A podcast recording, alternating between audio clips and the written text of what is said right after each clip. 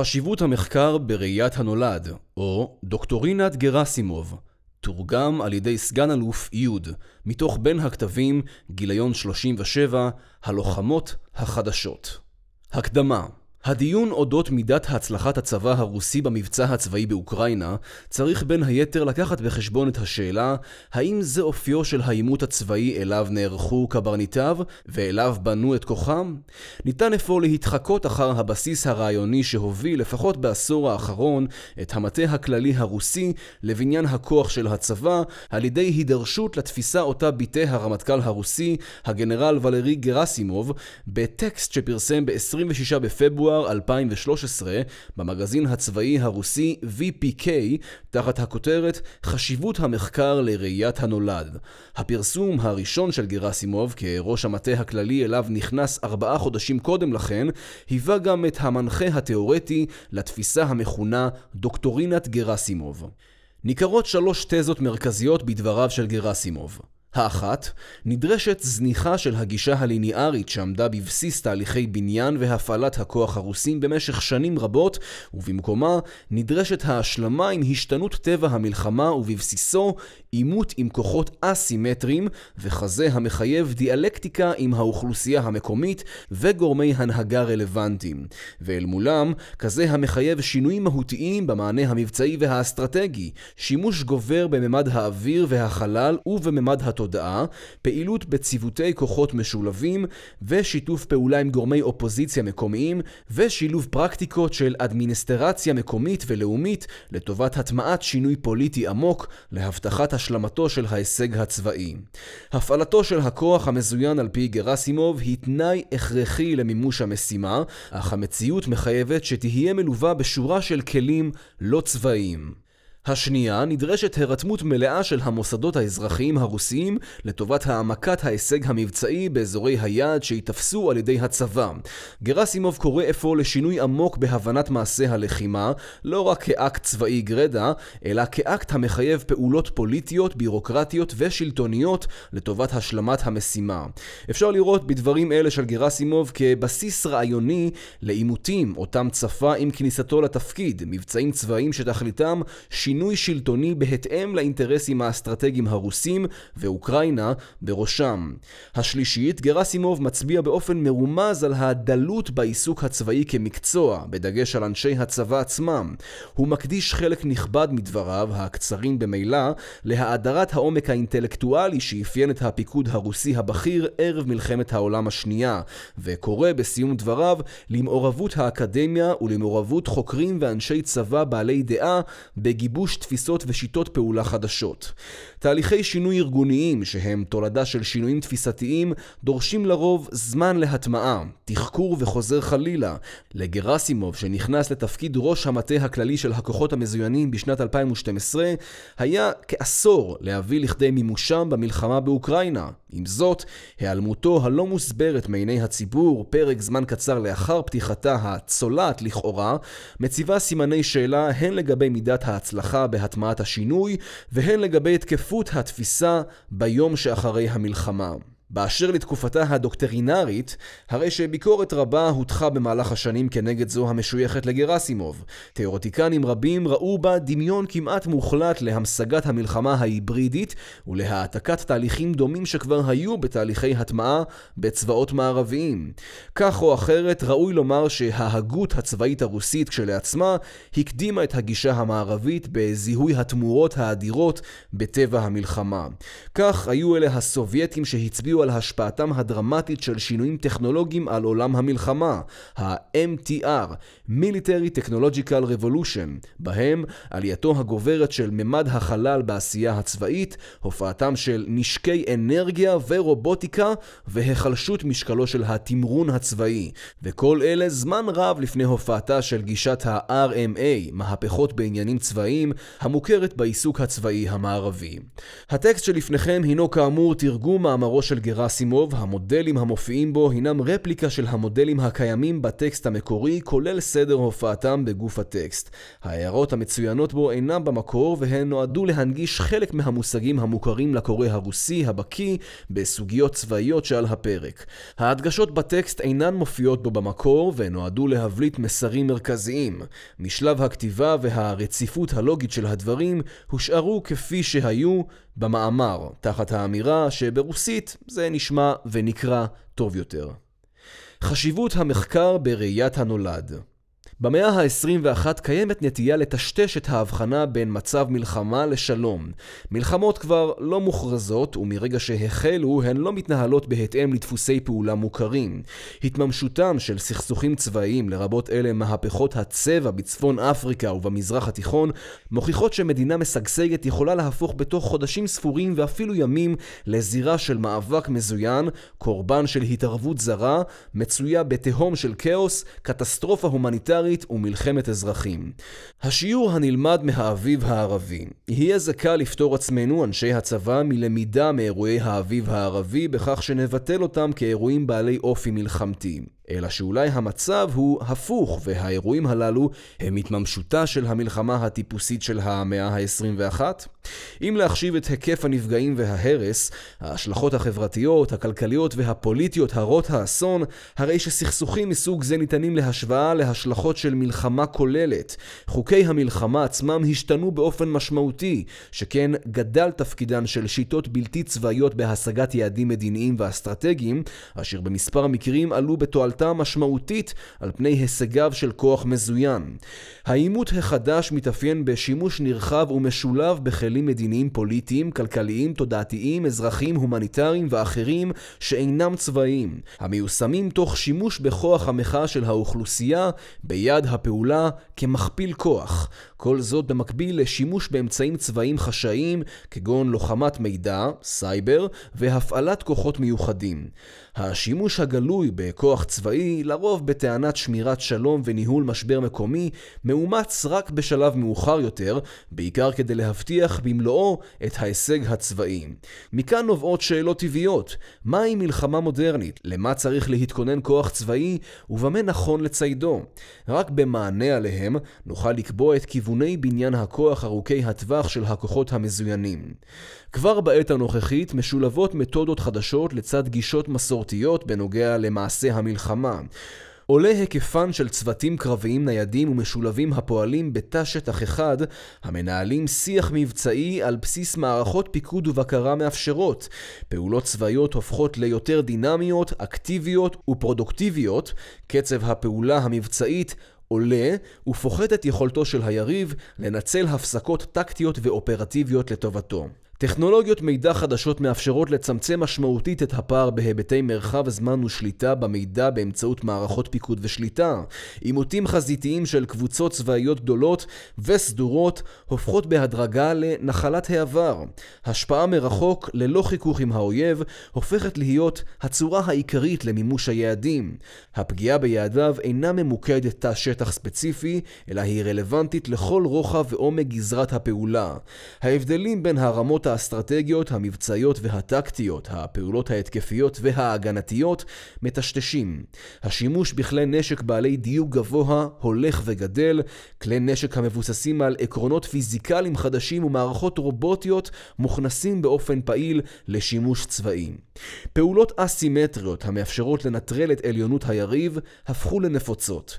אלה כוללות שימוש בכלים מבצעיים ייעודיים, באופוזיציה הפנימית לצורך יצירת חזית קבועה ורציפה גיאוגרפית, ובהשפעה תודעתית אשר אופן מימושה משתפר ללא הרף. התאמות ועדכונים אלה באים לידי ביטוי בהשקפות הדוקטרינריות של מדינות מובילות בעולם, ונבחנים בסכסוכים צבאיים בפועל. כבר בשנת 1991, במהלך מבצע סופה במדבר בעיראק, הכוחות האמריקאים יישמו את המושגים השפעה גלובלית כוח גלובלי ומבצעים אוויריים קרקעיים. בשנת 2003, במבצע חירות לעיראק, מלחמת המפרץ השנייה, בוצעו פעולות צבאיות בהתאם למה שנקרא פרספקטיבה אחודה 2020. נכון להיום, מפותחות תפיסות וכלים המאפשרים גרימת נזק ליעדים ולכוחות יריבים כמעט בכל מקום בעולם, תוך שעות ספורות, לצד נטרול יכולות תגובה. ארצות הברית מיישמת בנוסף שילוב של פעולות אינטגרטיביות גלובליות, שמטרתן ליצור קבוצות רב-תחומיות וניידות בכל מקום בעולם בפרק הזמן הקצר ביותר שאפשר. בעימותים האחרונים צצו דרכים חדשות ללוחמה שאינן יכולות להיחשב צבאיות בלבד.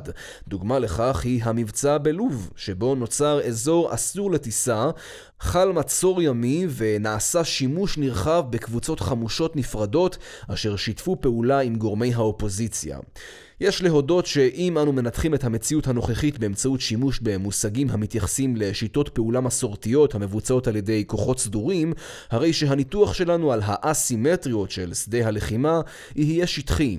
בהקשר זה תפקידו של המחקר הצבאי הולך וגדל, והוא זה שאמור ליצור תיאוריה אינטגרלית וברורה למעשה הלחימה. משימותיו של המחקר הצבאי כאשר דנים בצורות ובשיטות חדשות של מאבק מזוין, אסור לנו לשכוח את הניסיון הפרטי שלנו, כלומר השימוש ביחידות פרטיזנים במהלך מלחמת העולם השנייה, המאבק נגד התארגנויות לא סדורות במלחמת אפגניסטן, ובאירועי הלחימה בצפון הקווקז. יודגש שבמהלך מלחמת אפגניסטן נולדו שיטות צבאיות חדשות, אשר התבססו על תחבולה, קצבי תמרון גבוהים, ושימוש מיומן בכוחות מוצנחים ו... וביחידות שהופעלו באיגוף, אשר אפשרו ביחד להקדים את תוכניות האויב ולהסב לו נזק משמעותי. גורם נוסף המשפיע על השתנותה של הלחימה בעת הנוכחית הוא השימוש במערכות רובוטיות והתפתחות המחקר בתחום הבינה המלאכותית. בנוסף לכלי הטיס הבלתי מאוישים שטסים כבר היום, שדה הקרב של המחר יתמלא ברובוטים מהלכים, זוחלים, קופצים ומעופפים.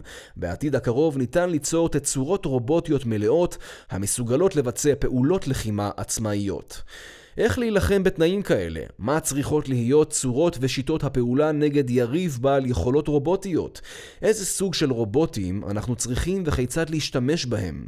המחשבה הצבאית שלנו חייבת להרהר בשאלות הללו כבר עכשיו. קבוצת שאלות משמעותית נוספת, הדורשת לתת עליה את הדעת, קשורה בהיקף של הכוחות הנדרש לאיוש לטובת מימוש היעדים האסטרטגיים של הפדרציה הרוסית. כבר בימינו עולות השאלות בדבר היקף האיומים האיומים האסטרטגיים המצדיקים תחזוק של כוח צבאי, כמה ממנו יידרש ומאיזה סוג. בעת הנוכחית אנו נמצאים בשלב משמעותי ביותר של יצירת מערכת האמונה על מאמץ ההגנה בתווך האווירי והחלל. לכן לא מן הנמנע שהמשאבים הנוכחיים יותאמו על מנת להבטיח את השלמת היכולת הצבאית בתחום זה דווקא. המטה הכללי הרוסי מוכוון לכך והאקדמיה הצבאית מוזמנת לקחת חלק שוטף בכך. פעילות בממד המידע והתודעה פותחת הזדמנויות אסימטריות רחבות לצמצום פוטנציאל הלחימה של האויב.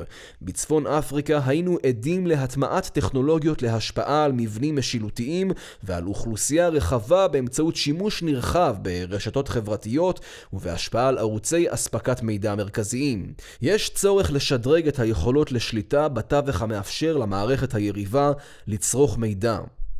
המבצע לאילוץ גיאורגיה לדרכי שלום חשף את היעדרה של תפיסה ברורה להפעלת כוחות צבאיים מחוץ לגבולות הפדרציה הרוסית. הפיגוע בספטמבר 2012 בקונסוליה האמריקנית בעיר בנגזי שבלוב ולקיחת בני הערובה לאחרונה באלג'יריה מחזקים את החשיבות של בניית מנגנון צבאי לשמירה על אינטרסים לאומיים מחוץ לגבולות המדינה. למרות העובדה שהתוספות לחוק הפדרלי אודות ההגנה משנת 2009 מאפשרות שימוש מבצעי מבצעי בכוחות צבאיים רוסים מחוץ לגבולותיה, שיטות הפעולה לכך טרם הוגדרו.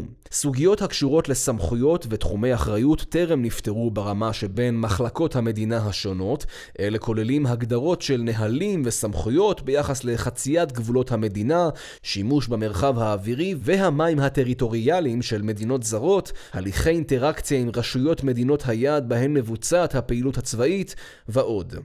יש צורך לבצע עבודה משותפת עם גופי מחקר ופיתוח שיטות פעולה של משרדים ומחלקות הנוגעים לנושאים אלה. אחת מתכליות השימוש בכוחות צבאיים מעבר לגבולות המדינה, הינה לתכלית של השכנת שלום. בנוסף לפעילות הצבאית המסורתית, מימוש השכנת השלום עשוי לכלול גם משימות מיוחדות, פעולות הומניטריות, פעולות חילוץ, פינוי אוכלוסייה, משימות סביבתיות ואחרות. כיום סיווגן, מהותן ותוכנן של פעולות אלה אינם מוגדרים בבירור. המשימות המורכבות והרב-גוניות של שמירת השלום שכוחות צבאיים סדירים ייאלצו לפתור מרמזות על הצורך ביצירת מערכת ייעודית להכשרתם לכך. אחרי הכל, תפקידם של כוחות שמירת השלום הוא להפריד בין הצדדים המסוכסכים, להגן ולהציל את האוכלוסייה האזרחית, לסייע בצמצום פוטנציאל העוינות וביסוס חיי שלום. כל זה דורש מחקר מדעי והטמעתו. שליטה בטריטוריה בסכסוכים עכשוויים קיימת חשיבות עליונה להגנת האוכלוסייה. המתקנים החיוניים ומרכזי התקשורת הנשלטים בסופו של התמרון הצבאי מפני פעולות התגמול של היריב. המענה לכך ניתן על ידי ארגון המרחב והשליטה בתא השטח המוחזק. עד 2008, כאשר גודלו של הצבא הרוסי מנה מעט יותר מ-4.5 מיליון איש, משימות אלו בוצעו אך ורק על ידי כוחות חמושים, אבל התנאים השתנו, ובעת הנוכחית ההתמודדות ההתמודדות עם ארגונים בלתי סדורים וקבוצות טרור יכולה להתממש בהצלחה רק באמצעות שילוב ידיים עם מנעד רחב של גופים ממשלתיים. ואכן, עבודת ההסדרה מסוג זה יצאה לדרך בהובלת המטה הכללי. היא מבוססת על הטלת האחריות להגנה הטריטוריאלית על גופים שונים, כפי שמשתקף בתיקונים לחוק הפדרלי אודות ההגנה. עם זאת, הצעת החוק שלעצמה לא נותנת מענה פרקטי, ונדרשת הגדרה מדויקת של המערכת המנהלת את תחום השיפוט, בו מתבצעת פעילות ההגנה, על ידי חלוקת האחריות בתחומי השיפוט והניהול השונים בין הגורמים הצבאיים בתא שטח נתון, גופים ממשלתיים, מקומיים ואחרים. הלמידה מאירועי הלחימה בעשורים האחרונים באפגניסטן ועיראק מצביעה על הצורך להגדיר תפקידים ולקבוע שלבי פעולה בביסוס המציאות המתהווה לאחר הפעולה הצבאית, ביחד עם גורמי המחקר הצבאי וגופי הממשלה השונים, לגבי שיטות פעולה של כוחות מגוונים ולקבוע מגבלות על השימוש בכוח צבאי בהתהוות המציאות המשילותית החדשה. נושא חשוב הוא פיתוח מנגנון מחקרי ומתודולוגי לתמיכה בקבלת החלטות תוך התחשבות באופי המשולב של צוותי כוחות. יש צורך לערוך מחקר של יכולות אינטגרליות המשלבות את הפוטנציאל של כל הכוחות הכלולים בהרכבם. הבעיה היא שהמודלים הקיימים של מבצעים ופעולות לחימה לא מאפשרים זאת. אנחנו צריכים דגמים חדשים. שינויים באופיים של סכסוכים צבאיים, פיתוח אמצעים למאבק מזוין, צורות ושיטות השימוש בהם, קובעים דרישות חדשות למערכות תמיכה מקיפות. זהו תחום נוסף של פעילות מדעית שאסור לשכוח. רעיונות לא נוצרים מכורח פקודה. לא ניתן להשוות את מצבו של המחקר הצבאי כיום עם פריחת המחשבה הצבאית-תאורטית בארצנו ערב מלחמת העולם השנייה. כמובן שיש לכך סיבות אובייקטיביות וסובייקטיביות כאחד, ואין להאשים בכך אף אחד במיוחד. כמו כן, ידוע הוא הדבר שאי אפשר ליצור רעיונות בפקודה. עם זאת, איני יכול שלא להודות בעובדה שבאותה תקופה לא היו דוקטורים ומומחי תוכן, ולא היו אקדמיות ורעיונות מדעיים מפותחים שעסקו והפ... הפיצו באופן עקבי גישות מקצועיות. במקום זאת היו דמויות יוצאות דופן עם רעיונות מבריקים, הייתי קורא להם קנאי המחקר הצבאי, במובן החיובי של המושג. אולי פשוט אין לנו מספיק אנשים כאלה כיום. דוגמה לקנאי מחקר צבאי כזה הוא מפקד האוגדה גאורגי איסרסון, שלמרות ההשקפות שהתפתחו בתקופה שלפני המלחמה, הוציא לאור את הספר צורות קרב חדשות, בו חזה שמלחמה כלל לא מוכרזת רשמית, אלא היא התאבות של סדרת פעולות המבוצעות בין כוחות חמושים. גיוס והכנת הכוחות אינם צריכים להתבצע לאחר הכרזה על פרוץ המלחמה, כפי שהיה ב-1914, אלא שהם אמורים להתבצע הרבה זמן זמן לפני כן, בצורה מדורגת ולעיתים סמויה ולא מורגשת. דחיקת אמירותיו של נביא הזעם הייתה טרגית לאומה, שכן ארצנו שילמה בדם רב על כך שלא הקשיבה למסקנותיו של המלומד. מכאן מגיעה המסקנה שיחס הדוחק רעיונות חדשים וגישות לא סטנדרטיות המבטאות נקודת מבט שונה במדע הצבאי, אינו מתקבל על הדעת. עוד יותר בלתי מתקבל על הדעת הוא היחס המזלזל כלפי מדעי המלחמה מצד אנשי הפרקטיקה, כלומר אנשי הצבא בעצמם. לסיכום אני רוצה לומר שלא משנה כמה חזק האויב, לא משנה כמה כוחותיו ואמצעי המאבק המזוין שלו מושלמים, כמו גם צורות ושיטות השימוש בהם, הוא תמיד יהיה בעל נקודות תורפה. מה שאומר שקיימת אפשרות של פעולת נגד מספקת. יחד עם זאת, אסור לנו להעתיק ניסיון של מישהו אחר ולהדביק את המדינות המובילות, אלא לעבוד לפני העקומה ולהיות בעצמנו בראש. וכאן מדען הצבא משחק תפקיד חשוב. מדען מדען הצבא הסובייטי המצטיין אלכסנדר סבצ'ין כתב את מצב המלחמה קשה מאוד לחזות מראש. לכל מלחמה יש צורך לפתח קו מיוחד של התנהגות אסטרטגית. כל מלחמה היא מקרה מיוחד שדורש ביסוס היגיון מיוחד משלו, ולא יישום של שום תוכנית. גישה זו נותרה רלוונטית עד היום. אכן, כל מלחמה היא מקרה מיוחד שדורש הבנה של ההיגיון המיוחד שלה, הייחודיות שלה, ולכן קשה מאוד לחזות את אופי המלחמה אליה רוסיה או בעלות בריתנו עלולות להיגרר כיום. עם זאת, יש לטפל בנושא זה. כל מחקר מדעי בתחום מדע הצבא הוא חסר ערך אם התיאוריה הצבאית אינה מספקת את הפונקציה של ראיית הנולד, כלומר, ראיית ההתאבות בתחום הלחימה. בפתרון הבעיות הרבות העומדות בפני מדע הצבא כיום, המטכ"ל סומך על סיוע האקדמיה הצבאית הלאומית, אשר מרכזת בשורותיה מדעני צבא מובילים ומומחים סמכותיים. אני משוכנע שהקשרים ההדוקים בין האקדמיה למדעי הצבא והמטה הכללי של הכוחות המזוינים של הפדרציה הרוסית ימשיכו להתפתח ולהשתפר.